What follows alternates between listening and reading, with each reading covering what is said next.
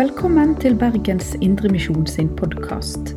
For mer informasjon om oss, besøk oss på betlehem.no, eller finn oss på Facebook og Instagram der som Bergens Indremisjon.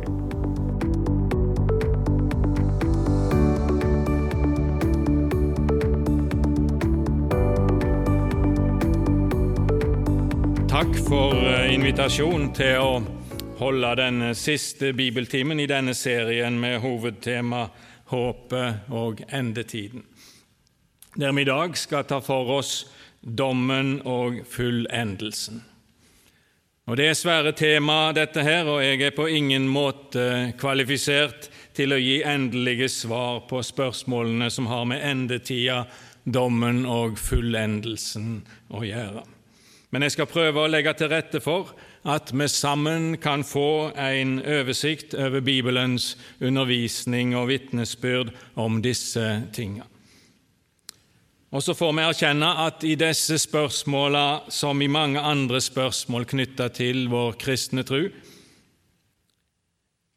men i særdeleshet disse som angår håpet og det som skal komme, så ser vi stykkevis og bør møte hverandre med oppmuntring og forståelse og unngå kjepphester, harde konfrontasjoner og stive fronter. Det har gått en eh, samtale i dagen i de siste månedene rundt dette med eh, de siste ting og tider, og en som heter Erling Thu, har skrevet lite grann. Jeg tror han er, knytta til kristent fellesskap, jeg kjenner han ikke noe utover det, men han skrev 24. mars Paulus sier at vi forstår stykkevis og taler profetisk stykkevis. Det skulle gjøre oss litt audmjuke, for det vil si at ingen menneske har den fulle forståinga. Alle forstår stykkevis. Jeg har ikke alle svara, jeg tror jeg har nokre. Den som lever, får sjå hvem som har rett forståing av endetida. Så det siste der, det må vi vel kanskje være enige i. Jeg er nok ikke enig med Tu i alt han har skrevet, by the way. La oss be for uh, bibeltimen. Kjære Herre Jesus Kristus. Vi takker for at vi kan få komme sammen og få høre ditt ord. Hjelp oss å ta imot det, grunne på det, ta det til våre hjerter, leve etter det og ha det som vår trøyst i liv og død. Det ber vi om i Jesu navn. Amen. Dere har eh, arbeidet med hovedtemaet gjennom mange veker og nærmere ti bibeltimer. Og Et visst mønster og en forståelsesramme har avtegna seg, selv om jeg antar at de ulike bibeltimehalderne kan ha hatt litt ulikt syn på enkelte detaljer.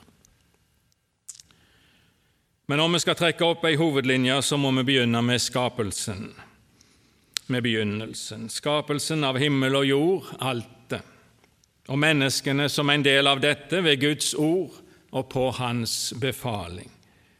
Og sjå, det var godt. Men så fikk synda rom, først hos menneskene, som var Guds ypperste skapning, og gjennom mennesker fikk synda rom hos og konsekvenser for resten av skapningen og skaperverket. Og det hele, jorda, mennesker og skaperverket, blei en skueplass for kampen mellom Gud og synda, mellom Gud og syndas opphavsmann, djevelen, Satan, motstanderen, den vonde.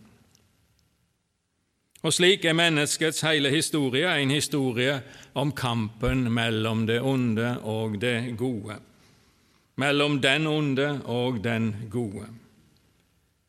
Djevelen, som noen steder blir kalt denne verdens gud, eller denne verdens fyrste på grunn av den makt han vitterlig har, har mange ganger sett ut til å ha framgang og eh, seier i kampen men det er ikke den endelige sannheten.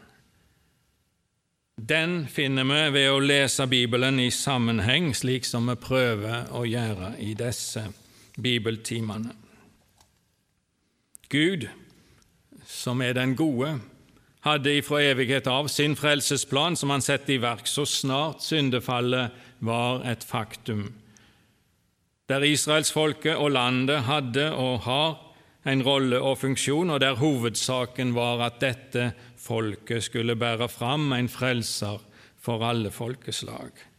Noe som nådde et foreløpig klimaks ved Jesu Kristi komme som menneske av jødisk ett, hans jordeliv, hans død og oppstandelse på stedfortredende vis for hele menneskeettet.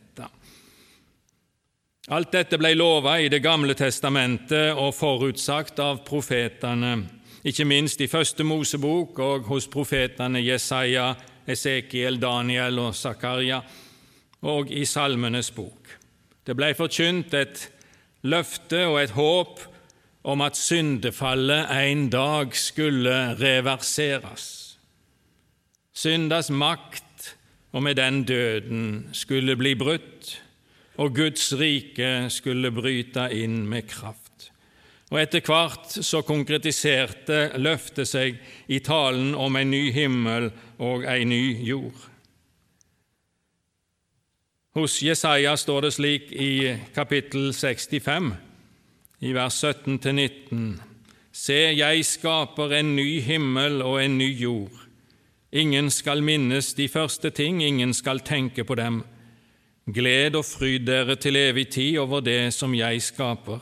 For se, jeg skaper Jerusalem om til fryd og folket der til glede. Jeg vil fryde meg over Jerusalem og glede meg over mitt folk. Aldri mer skal det høres gråt eller klageskrik i byen. Og Går vi til kapittel 11 hos eh, Jesaja, så står det der ifra vers 6 Da skal ulven bo sammen med lammet og leoparden legge seg hos kjeet. Kalv og ungløve skal beite sammen mens en smågutt gjeter dem. Ku og bjørn skal beite, ungene deres legge seg sammen. Og løven skal ete halm som oksen. Spedbarnet skal leke ved slangens hule, og barnet strekker hånden ut mot ormebolet. Ingen skal skade eller ødelegge noe på hele mitt hellige fjell, for landet er fylt av kjennskap til Herren, slik vannet dekker havbunnen. Den dagen skal Isais rotskudd stå som et banner for folkene. Folkeslagene skal søke ham, og hans bolig skal være herlig.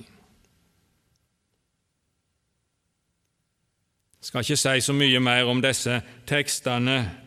Vi bare leser det som et eksempel på at allerede i Det gamle testamentet så finner vi denne talen, disse løftene om en ny himmel, en ny jord og en tilbakevending til den første paradisiske tilstanden, ja, enda herligere enn det første, foredla på en måte gjennom alt som skapningen har gått igjennom på veien mot det nye. Og Det henvises også til dette i Det nye testamentet mange, mange plasser. Vi skal lese flere tekster derifra, men foreløpig så vil jeg eh, bare ta med noen ord fra en av Peters sine taler i dagene etter pinsedag, etter at han og Johannes har reist opp en mann som hadde vært lam helt fra mors liv. Og Vi leser i apostelgjerningene kapittel 3 fra vers 18. Men slik oppfylte Gud det han hadde latt alle profetene forkynne på forhånd, at hans Messias skulle lide. Angre derfor og vend om, så syndene deres blir strøket ut. Da skal det komme tider med lindring fra Herren, og han skal sende den Messias som er bestemt for dere, Jesus. Han må være i himmelen til tiden kommer da alt det blir gjenopprettet som Gud har talt om fra eldgamle dager ved sine hellige profeters munn. Altså tider med lindring, og det skal gjenopprettes, det som Gud har talt om fra eldgamle dager. Da Jesus sto fram som en ca. 30 år gammel mann, så ropte han ut og proklamerte at himmelriket, at Guds rike, var kommet nær. Guds rikes krefter hadde inntatt verden fordi Jesus var til stede i den som sann Gud og sant menneske. Syndas makt og verdens slaveri under den onde djevelen, under Guds motstander, hadde begynt å vakle og fått store skader. Og ved Jesu oppstandelse fra de døde eh, så var resultatet av denne kampen gitt, denne krigen gitt. Det kunne bare gå én vei. Den onde var på vei til å bli tilintetgjort, hans makt var brutt, han skulle dømmes sammen med sine medhjelpere. Og Jesus talte om dette før han døde. Først og fremst i Matteus 24, 25 finner vi disse, kapittel 24 og 25, men det er òg for så vidt i, i alle evangeliene.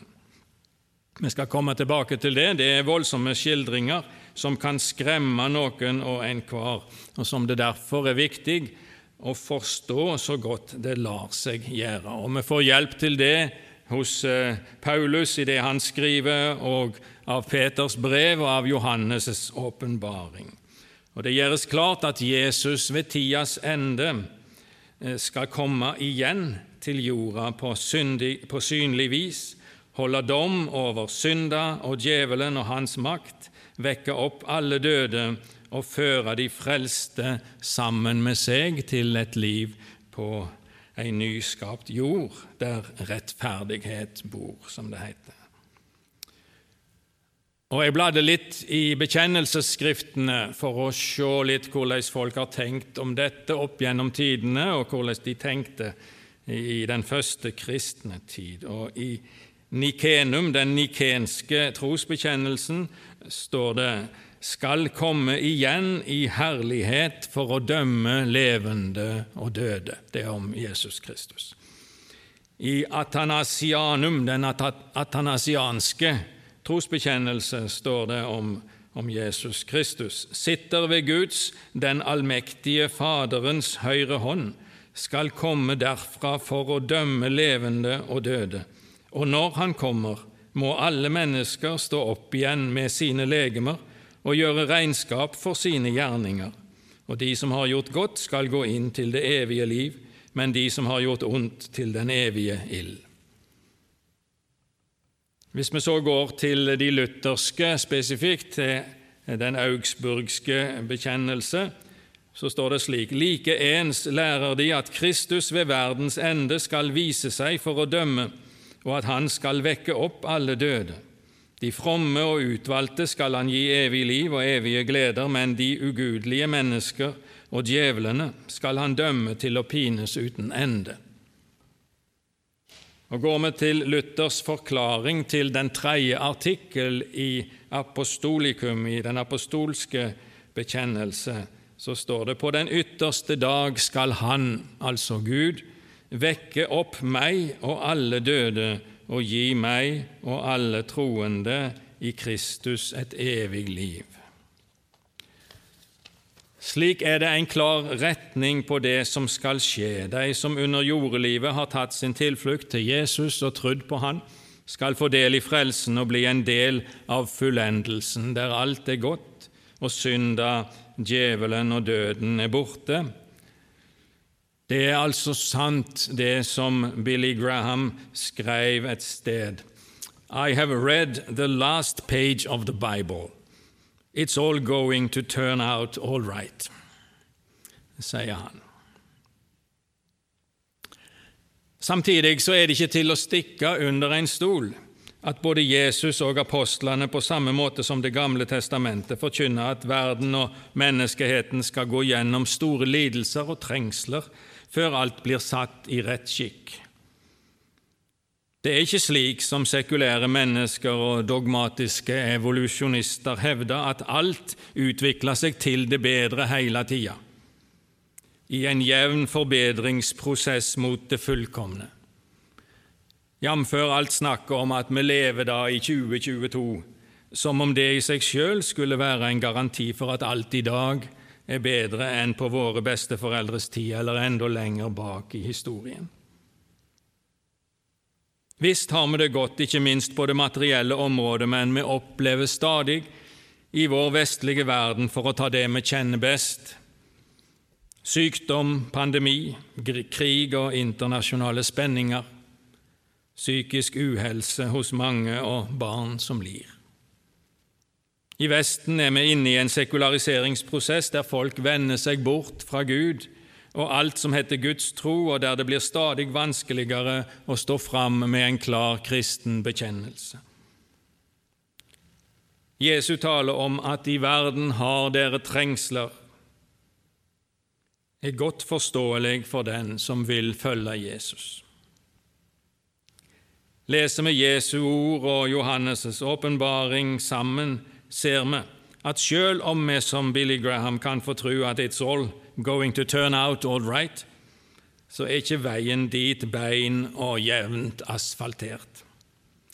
Der er humper og hull i veien, den slynger seg fram og tar innimellom en loop. Og menneskeheten, særlig Guds folk, må gå gjennom mange trengsler, men slutten skal være god for den som holder ut. Jeg tror Bibelen taler om at før Jesus kom igjen, skal Guds menighet, og for så vidt hele menneskeheten, gjennom en veldig trengselsperiode, som skal være ganske kort, men hard. Gud sjøl skal gripe inn og avslutte den på dramatisk vis. Sammenlign det som står om rytteren på den hvite hesten i Åpenbaringen 19. Han skal gripe inn på dramatisk vis, han skal binde Satan og kaste han i fengsel. Da skal noen av martyrene bli levende igjen og herske som konger med Kristus fra himmelen over det som på jorda blir ei historisk fredstid og blomstringstid, ei sabbatstid og restitusjonstid, som vi hørte om forrige torsdag mens Satan er bundet og kasta i fengsel, det som er kalt for de tusen år.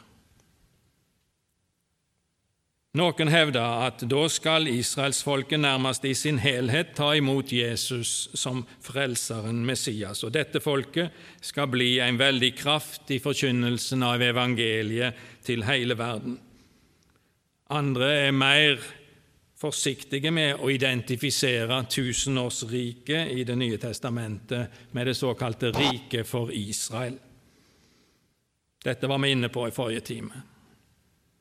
Her er det vanskelig å være skråsikker, syns jeg, og vi trenger nok ikke å forstå det slik at det som her er sagt, skal gjelde i tusen år etter vår tidsregning. Dette var vi innom forrige, forrige torsdag. Men ved enden av de tusen år skal da Satan løsast fra sine lenker og igjen rase ei kort tid før han ødelegges totalt og kastes i ildsjøen og aldri mer blir sett eller erfart. Da er tida inne for Jesu endelige tilsynekomst, for hans gjenkomst. Det skal holdes dom over alle mennesker ved den hvite trone. Jorda og havet skal gi tilbake sine døde, som alle skal fram for Kristi domstol. Vi skal lese om dette fra Johannes' åpenbaring, kapittel 20 og Matteus 24 og 25, pluss fra noen av Paulus sine brev. Men først så vil jeg si lite grann om mitt eget forhold til disse tekstene og mitt innsteg i dette sakskomplekset. Jeg vokste opp innenfor Misjonssambandet, NLM, der mine foreldre arbeidet på et par av NLM sine internatskoler. I voksen alder så tok jeg Fjellhaug misjonsskole og Menighetsfakultetet og kanteoleksamen. På Fjellhaug hadde jeg Øyvind Andersen i dogmatikk, en kjent uh, bibellærer, fysisk sett blind, men en som hadde innsikt i Guds ord. I hans lærebok i, i dogmatikk i tre bind kom han aldri til læren om endetida, eskatologien. Temaet var nærmest ikke berørt, bare liksom i forbifarten på andre emner. Jeg tror det var litt symptomatisk både for NLM og for eh, Øyvind Andersen. Han kjente nok på at han ikke hadde sikre, klare svar på disse spørsmålene, noe han ellers var kjent for å ha på mange spørsmål.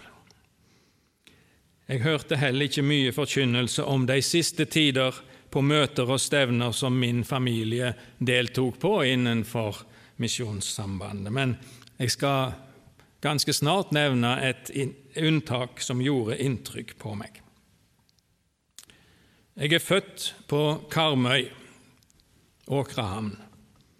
Der bodde òg farfar og farmor og min fars slekt fram til jeg var godt voksen. Og I ungdomsåra da bodde jeg ikke der, men da var jeg ofte på Åkra om sommeren. Og Jeg gikk gjerne på det store, flotte bedehuset som både min farfar og min far hadde vært med på å bygge. Og jeg fikk med meg noen av de såkalte bibelkursene som ble arrangert der år om annet. De veksla mellom Vågsbygd og Valderøya og Karmøy, forsto jeg. Der snakka de om tidshusholdningene og hadde av og til store plansjer som forklarte Guds plan med menneskene livet på jorda, Kristi kors, endetida, Jesu gjenkomst og ikke minst Israels plass og funksjon i det hele. Jeg var 12-15 år gammel, 12-15, hadde problemer med å forstå det som blei forkynt, og blei ganske så skremt av det jeg hørte og så, for det kunne være ganske voldsomme framstillinger av endetidas begivenheter. Jeg hadde mareritt om nettene, frykta at Jesus skulle komme igjen uten at jeg var klar eller rede, som de sa, til å møte han. Og Dette har i grunnen preget mitt forhold til den såkalte tidshusholdningslæren og dispensasjonalismen i alle år etterpå. Jeg har aldri kjent meg trygg i dette læresystemet av litt ulike grunner. Sjøl har jeg de seinere åra støtta meg mer på Erling Utnem sine bøker og på lærere som Lars Eritsland, Kurt Hjemdal og andre. Det som imidlertid løste meg i ungdomstida og befesta meg befesta i meg grunnholdningen om at Jesu gjenkomst grunnleggende sett innebar frelse og noe positivt, var en opplevelse på NLM, Misjonssambandet, sin generalforsamling i Trondheim i 1970. Da var jeg 16 år gammel. Det var før det var blitt moderne med omfattende barne- og ungdomsopplegg på generalforsamlingen, så jeg sneik meg inn på forhandlingene og lytta med stor interesse, og jeg fikk med meg alle bibeltimene. Lærer Hans Nordmann, som hadde vært misjonær i Kina og Manchuria, og var lærer på Drottningborg, der mine foreldre òg hadde, hadde, bodd, eh, talte om Jesu gjenkomst. Faktisk hadde de det temaet oppe på en generalforsamling i NLM, noe som var sjeldsynt. Han talte ut ifra 1. Tessalonikerbrev 4.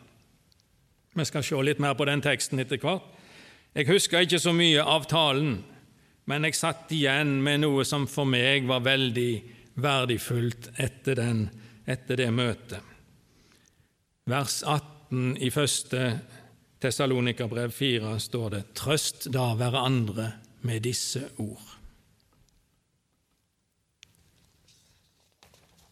Ordene om Jesu gjenkomst var ikke skremmende, var ikke domsord, men trøsteord.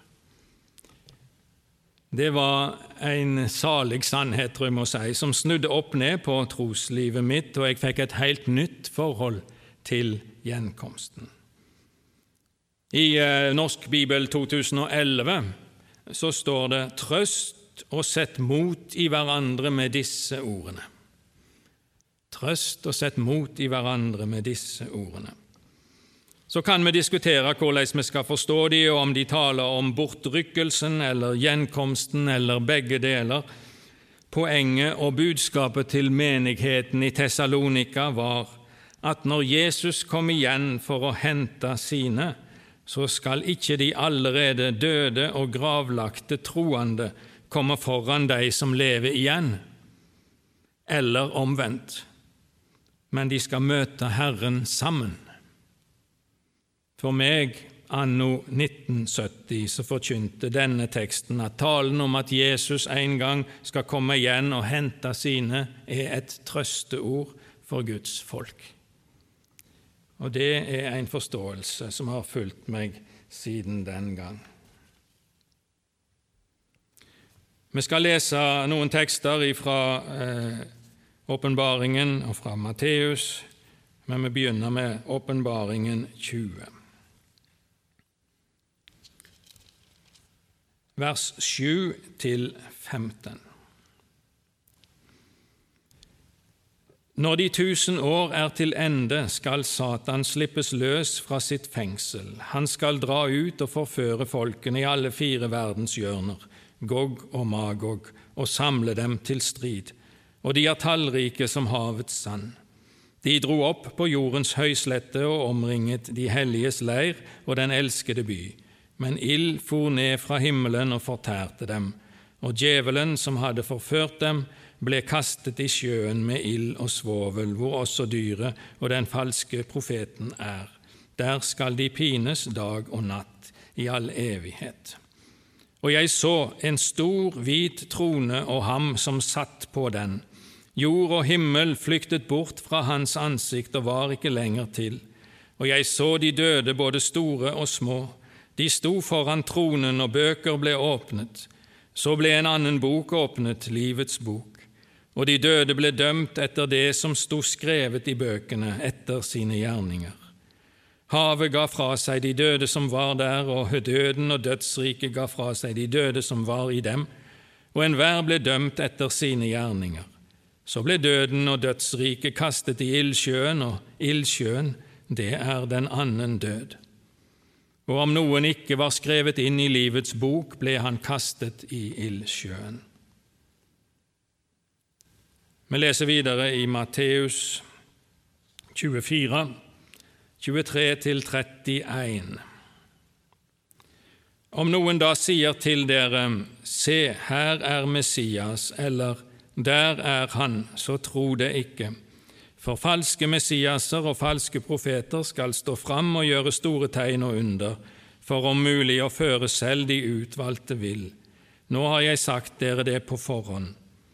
Om de altså sier til dere, se, han er ute i ødemarken, så gå ikke dit ut, eller se, han er i et rom der inne, så tro det ikke. For slik som lynet går ut fra øst og lyser like til vest, slik skal det være når Menneskesønnen kommer. Hvor åtselet er, vil gribbene samles. Så snart denne trengselstiden er over, skal solen bli formørket og månen miste sitt lys. Stjernene skal falle ned fra himmelen, og himmelens krefter skal rokkes. Da skal Menneskesønnens tegn vise seg på himmelen. Da skal alle folkeslag på jorden bryte ut i klagerop, og de skal se Menneskesønnen komme på himmelens skyer med stor makt og herlighet. Når basunen lyder, skal han sende ut sine engler, og de skal samle hans utvalgte fra de fire verdenshjørner, fra den ene enden av himmelen til den andre. Og fra kapittel 25, vers 31 til 46. Men når Menneskesønnen kommer i sin herlighet og alle englene med ham, da skal han sitte på sin trone i herlighet, og alle folkeslag skal samles foran ham. Han skal skille dem, fra, skille dem fra hverandre som en gjeter skiller sauene fra geitene, og stille sauene på sin høyre side og geitene på sin venstre. Så skal kongen si til dem på sin høyre side, Kom hit, dere som er velsignet av min far, og ta i arv det rike som er gjort i stand for dere fra verdens grunnvoll ble lagt. For jeg var sulten, og dere ga meg mat, jeg var tørst, og dere ga meg drikke, jeg var fremmed, og dere tok imot meg, jeg var naken, og dere kledde meg, jeg var syk, og dere så til meg, jeg var i fengsel, og dere besøkte meg. Da skal de rettferdige svare, Herre, når så vi deg sulten og ga deg mat, eller tørst og ga deg drikke? Når så vi deg fremmed og tok imot deg, eller naken og kledde deg? Når så vi deg syk eller i fengsel og kom til deg? Og kongen skal svare dem, sannelig, jeg sier dere, det dere gjorde mot en av dine, disse mine minste søsken, har dere gjort mot meg.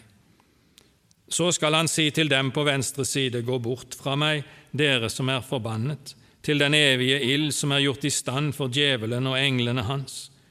For jeg var sulten, og dere ga meg ikke mat, jeg var tørst, og dere ga meg ikke drikke.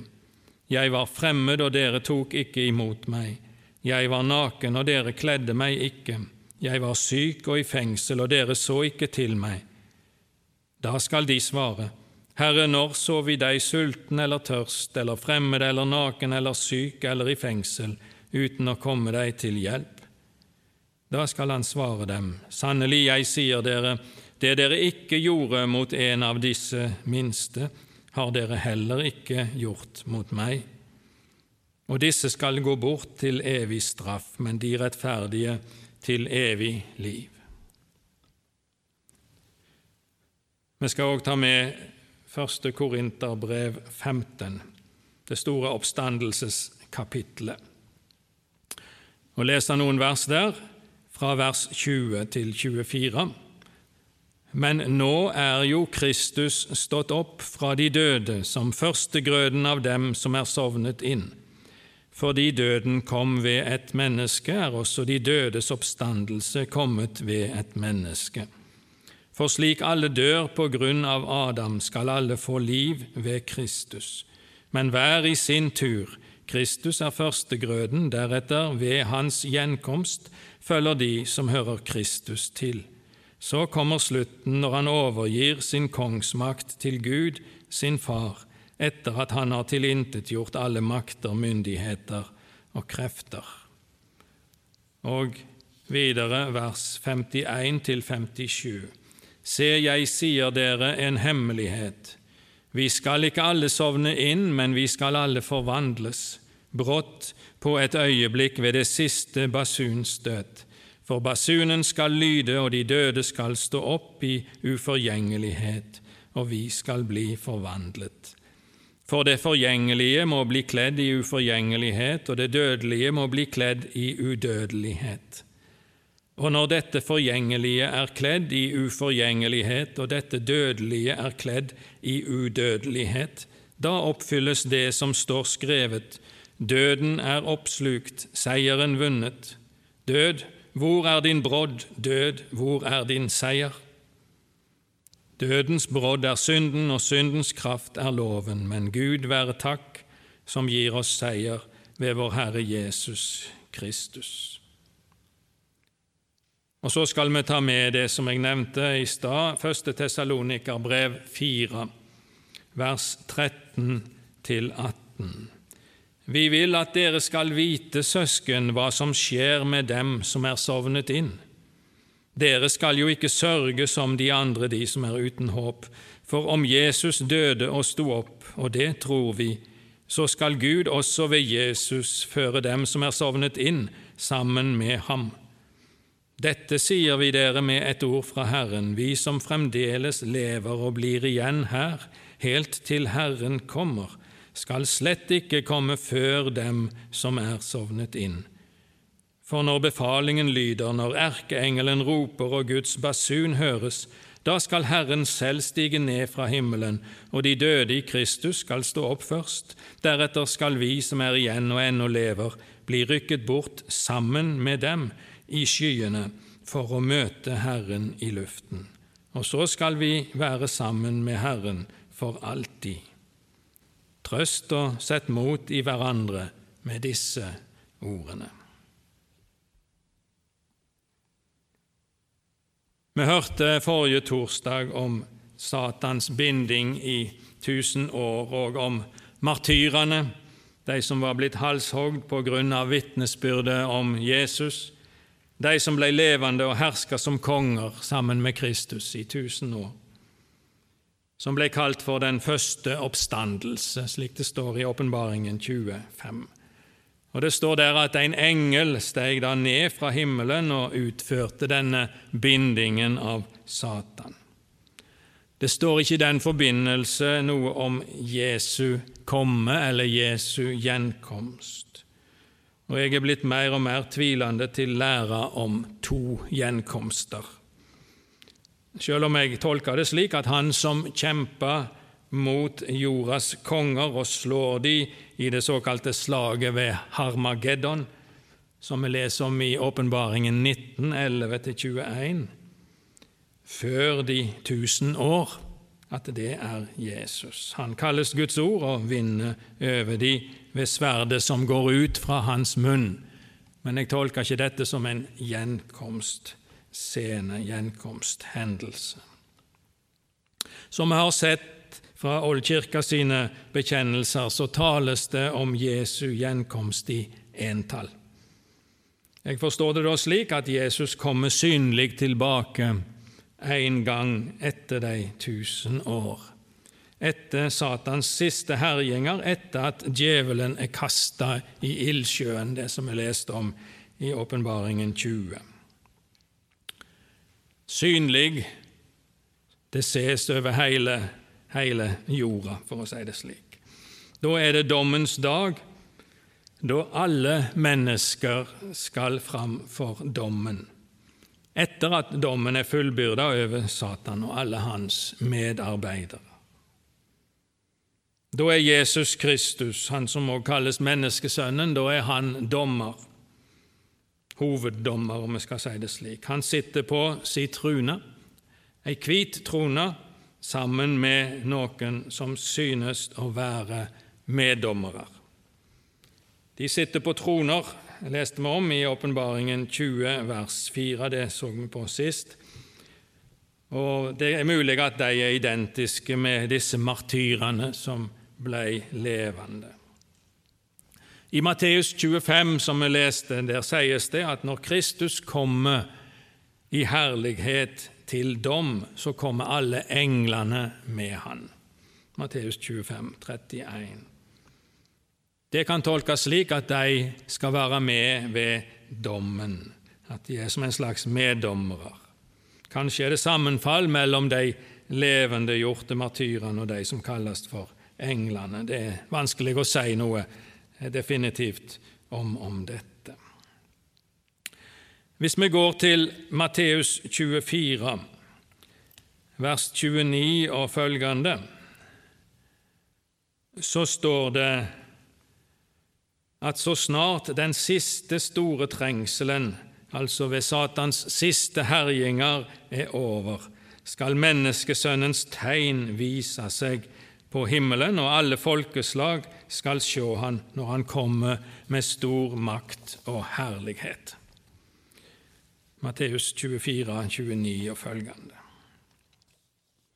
Da skal basunen lyde, og han skal sende ut sine engler, som skal samle hans utvalgte fra alle verdens hjørner, fra alle folkeslag. Det skal skje etter en viss tur og orden, som ikke er så lett å få på en formel, men jeg forstår det da slik at 1. Tessalonika brev 4 taler om denne innsamlingen. Og Der poengteres det at de døde i Kristus skal samles sammen eller samtidig med de som ennå lever i trua på Han.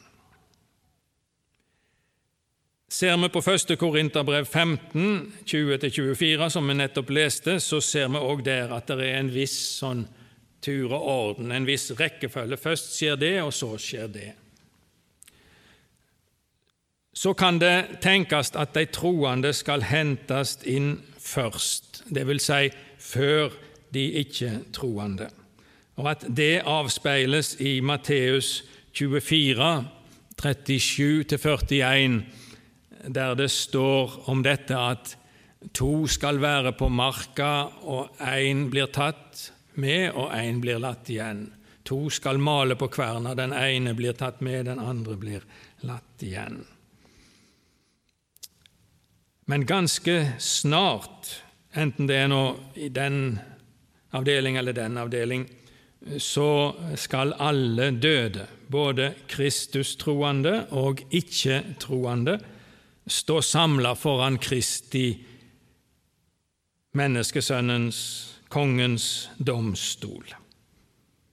Det tror jeg er én domstol, bare for å si det. da.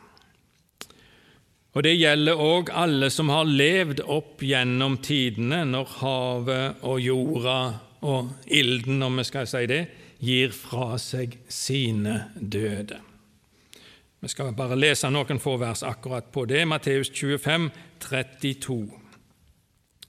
Og alle folkeslag skal samles foran ham. Han skal skille dem fra hverandre som en gjeter skiller sauene fra gjetene. Og Åpenbaringen 20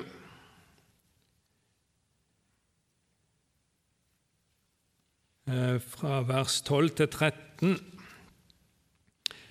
Og jeg så de døde, både store og små, de sto foran tronen, og bøker ble åpnet. Så ble en annen bok åpnet, Livets bok, og de døde ble dømt etter det som sto skrevet i bøkene, etter sine gjerninger. Havet ga fra seg de døde som var der, og døden og dødsriket ga fra seg de døde som var i dem og enhver ble dømt etter sine gjerninger. Og så ser vi på andre Korinterbrev 5.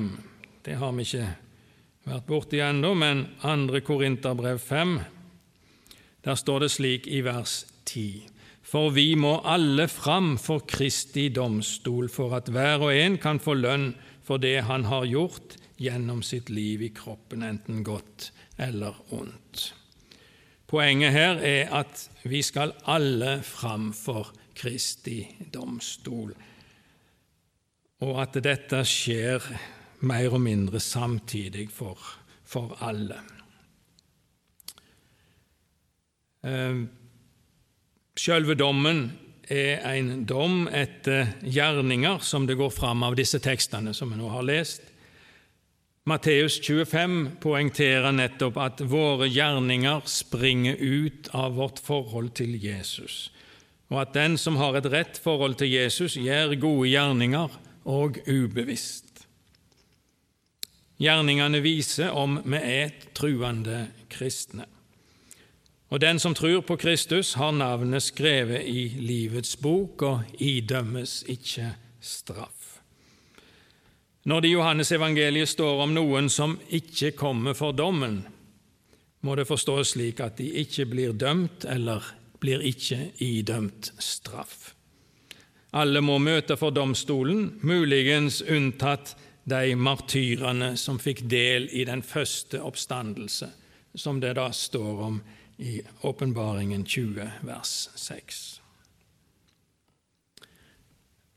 De som ikke har navnet i livets bok, idømmes evig straff, leste vi om i Matteus 25, 46.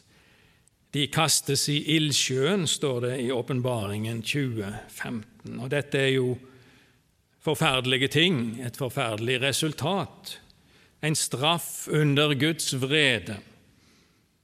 Og Det er tydelig av tekstene vi har lest, at det ikke kan endres under selve domsprosessen eller i etterkant. Derfor formanes vi til å få vår sak med Gud i orden, med Jesus Kristus i orden, før Han kommer tilbake, eller før vi dør den fysiske død.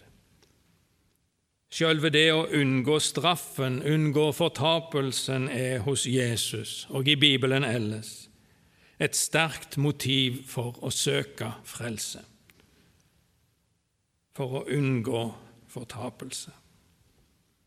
Dommen er definitiv når den er avsagt, men vi kan gjerne huske at det ikke er vår sak å avsi dommen.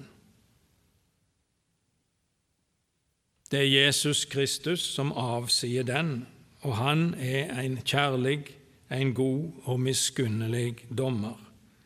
Og alle hans dommer er rette og rettferdige. Så sier Jesus i Matteus 25, vers 41, at den evige straff er egentlig beredt for djevelen og hans engler. Så er det useielig tragisk at òg noen mennesker havner der. I eh, Åpenbaringen uh, 21, vers 8, står det slik:" Men de feige, de vantro og vanhellige, de som myrder, driver med hor og trolldom og avgudsdyrkere og alle løgnere, deres plass skal være i sjøen som brenner med ild og svovel. Det er den annen død.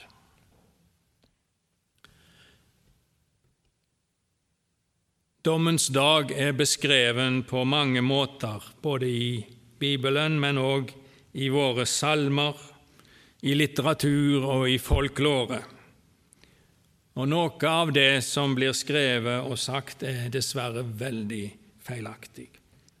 Men noe er til å få forstand av, det som sammenfaller med Bibelens ord. Så må vi se på dommen som en renselse. Gud fullfører sitt ord og løfte om å skape en ny himmel og en ny jord. Der skal ikke døden være mer, ikke sorg, ikke skrik, ikke smerte. Synda og alle syndas venner, om jeg kan si det slik, skal være borte. Derfor blir de utrydda som en del av fullførelsen av frelsesverket. I Åpenbaringen 21-27 står det om den nye byen, det nye Jerusalem. Men noe urent skal aldri komme inn i byen, ingen som gjør motbydelige ting eller farer med løgn, bare de som er skrevet inn i livets bok hos lammet. Så det er altså en renselses funksjon i dette. Håpet som er knytta til Jesu gjenkomst, er dette. Det er løftet om en ny himmel og en ny jord. Vi skal lese i 2. Peters brev 3. 2. Peters brev 3 fra vers 3 og til 14. Først og fremst må dere vite at det i de siste dager skal komme folk som farer med spott og følger sine egne lyster. Hånlig sier de, hva med løftet om Hans gjenkomst? Fedrene våre er døde, men alt er som det har vært fra skapelsen av. De som sier slikt, glemmer at det fra eldgammel tid var himler og en jord som steg fram av vann og består ved vann i kraft av Guds ord. Og ved det gikk verden den gang under da den ble oversvømt av vann. Men de himler og den jord som nå er, er i kraft av det samme ordet spart til ilden. De holdes oppe helt til dommens dag, da ugudelige mennesker skal gå fortapt. Men én ting, mine kjære, må dere ikke glemme for Herren er en dag som tusen år og tusen år som en dag. Herren er ikke sen med å oppfylle sitt løfte, som noen mener. Nei, han er tålmodig med dere, for han vil ikke at noen skal gå fortapt, men at alle skal nå fram til omvendelse. Men Herrens dag skal komme som en tyv. Da skal himmelen forgå med et rungende drønn, Elementene skal komme i brann og bli fortært, og jorden og alle gjerninger som er gjort på jorden, skal komme fram i lyset. Når alt skal gå i oppløsning på denne måten, hvor hellig og gudfryktig bør dere ikke da leve, mens dere venter på at Guds dag skal komme og fremskynder den? Da skal himlene bli fortært av ild, og elementene skal brenne og smelte. Men etter Hans løfte venter vi på en ny himmel og en ny jord, hvor rettferdighet bor. Mens dere venter på dette, mine kjære, skal dere legge vind på og bli stående for ham med fred, uten flekk og lyte. Vi skal òg lese fra Åpenbaringen 21 vers 1-14. Og jeg så en ny himmel og en ny jord. For den første himmel og den første jord var borte, og havet fantes ikke mer. Og jeg så den hellige byen, det nye Jerusalem, stige ned fra himmelen, fra Gud, gjort i stand og pyntet som en brud for sin brudgom. Og jeg hørte fra tronen en høy røst som sa, Se, Guds bolig er hos menneskene han skal bo hos dem, og de skal være hans folk, og Gud selv skal være hos dem.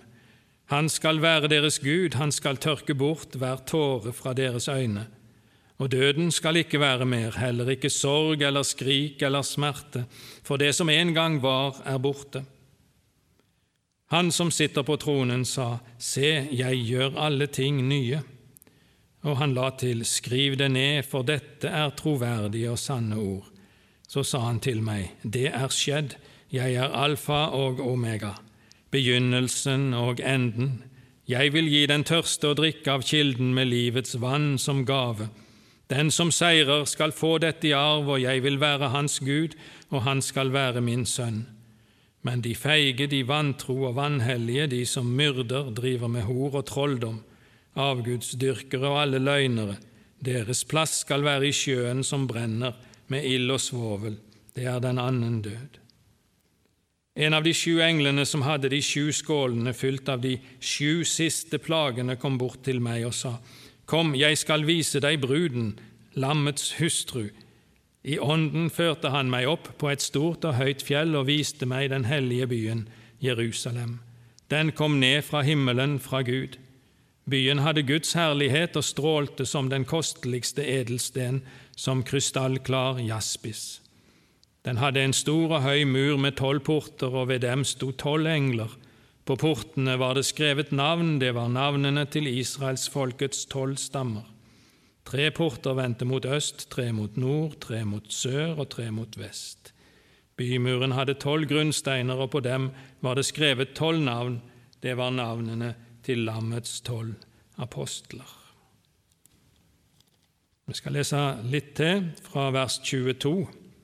Noe tempel så jeg ikke i byen, for Herren Gud, den allmektige, og lammet er dens tempel. Og byen trenger ikke lys fra sol eller måne, for Guds herlighet lyser over den, og lammet er dens lys. Folkene skal vandre i lyset fra byen, og jordens konger skal føre sine rikdommer dit. Byens porter skal aldri stenges etter dagen, for natta skal det ikke være der.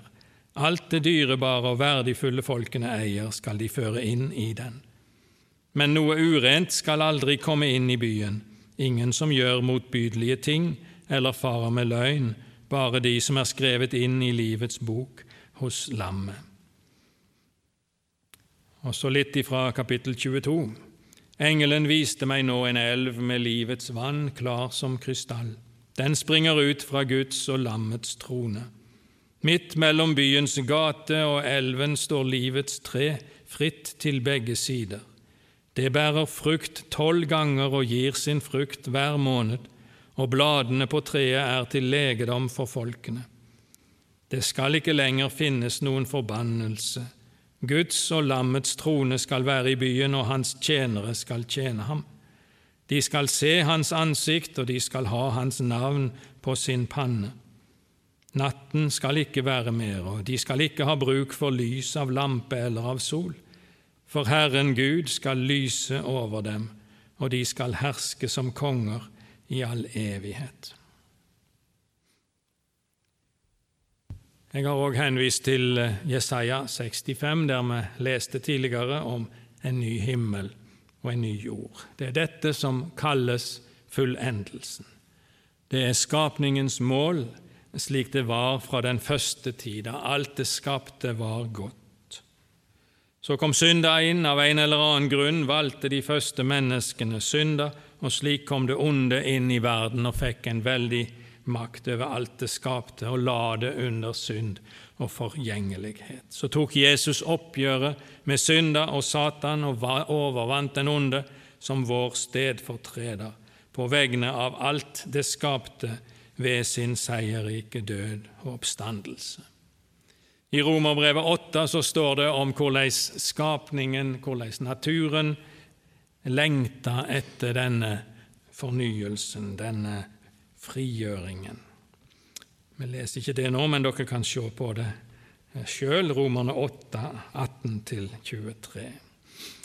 Det er tilnærma umulig for oss å skildre fullendelsen, både fordi den for oss ligger i framtida, og vi har ingenting å sammenligne den med, og fordi den er av en ny kvalitet som vi ikke kjenner.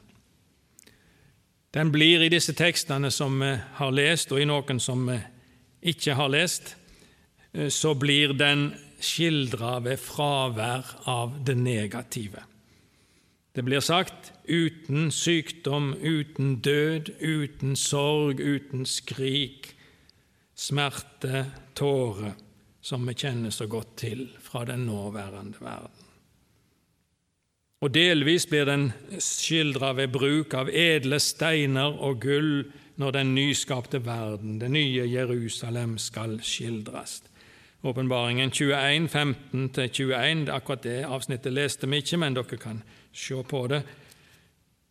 Gull og edle steiner. Det flotteste som de kunne tenke seg.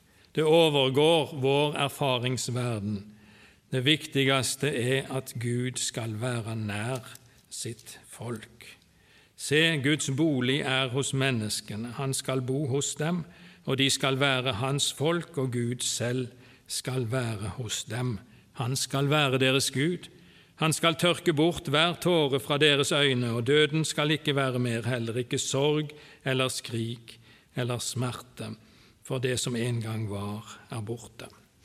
I 1. Johannes brev 3,2 står det at vi veit ikke ennå hva vi skal bli i herligheten, men vi skal være, bli Han lik, som det står, sammen med Jesus. I talen om den nye himmelen og den nye jorda er det på gresk ordet kainos som blir brukt om ny. Det finnes òg et annet ord som heter neos. Forskjellen mellom disse er at kainos ofte brukes om det som er nyttig kvalitet, mens neos har nyansen ung eller ny i tid.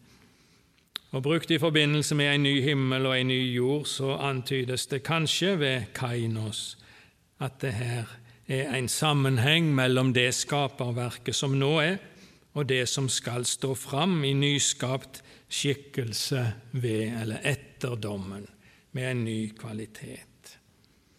Det står rett nok at jord og himmel skal forgå, og elementene skal oppløses, og himmel og jord skal brenne, som vi synger. Men det tales samtidig om en gjenopprettelse, som vi leste helt til å begynne med i apostelgjerningene 3, 20, 21 et frambrudd av det nye ut av det gamle.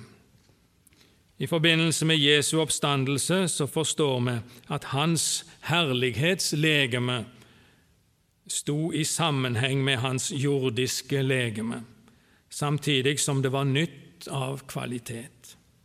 Derfor kunne disiplene kjenne han igjen, men ikke alltid med det samme de så han. Slik inntrykk får vi når vi leser om disse møtene som han hadde med de etter oppstandelsen. På den nye jord så skal våre herliggjorte legemer være i analogi med Jesu oppstandelseslegeme. Og Det er ikke urimelig å tenke at analogien kan brukes inn mot skaperverket som helhet. Altså at det er en kontinuitet, en form for kontinuitet, mellom den jorda som nå er, og den fullkomne som kommer. Jeg er nok litt skeptisk til Ole Hallesby sin tale om at han skal kjenne igjen hunden sin i det nye livet, men det er ikke godt å vite. Men kanskje er det slik at vi skal kjenne igjen og møte våre kjære i evigheten. Der har jeg mine kjære, der skal vi møtes att, og evig sammen være en dag foruten natt. Jeg er en gjest i verden. Da tror jeg det må være slik at vi ikke skal minnes de som ikke er der. Det er for oss mennesker vanskelig å forestille seg et sted uten savn og uten lengting, men det nye livet skal i så måte være fullkomment. Vi skal ha rik tilgang på livets vann og fruktene av livets tre og være tilfredsstilt på alle vis i et liv der vi skal være omgitt av en natur som er fri fra forbannelsen og forfallet. Dette leste vi om i Åpenbaringen 22, 1-5, om livets tre og livets elv. Og det hele, og det er det siste jeg skal si, det skildres som en stor bryllupsfest, der lammet, der Jesus er brudgom, og det nye Jerusalem, den frelste menighet, er brud.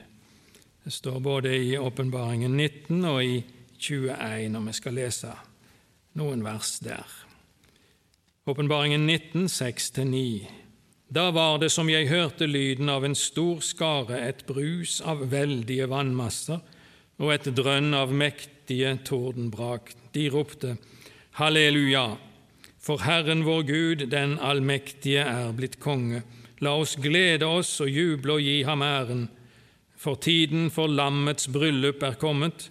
Hans brud har gjort seg i stand, og hun har fått en drakt av skinnende rent lin. Linet er de helliges rettferdige gjerninger. Og engelen sier til meg, skriv, salige er de som er innbudt til lammets bryllupsmåltid.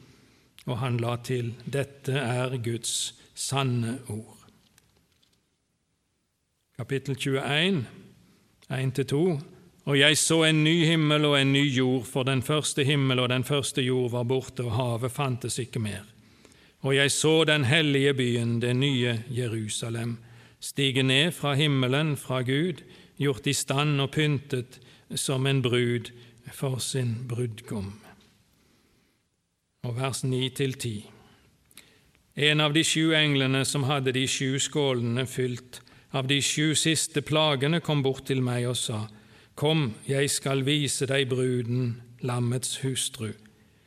I ånden førte han meg opp på et stort og høyt fjell og viste meg den hellige byen Jerusalem. Den kom ned fra himmelen, fra Gud. Her er det jo et bilde på menigheten. Og da høver det seg å si Kom, Herre Jesus. Du har lytta til Bergens Indremisjon sin podkast. For mer informasjon om oss, besøk oss på betlehem.no, eller finn oss på Facebook og Instagram der som Bergens Indremisjon.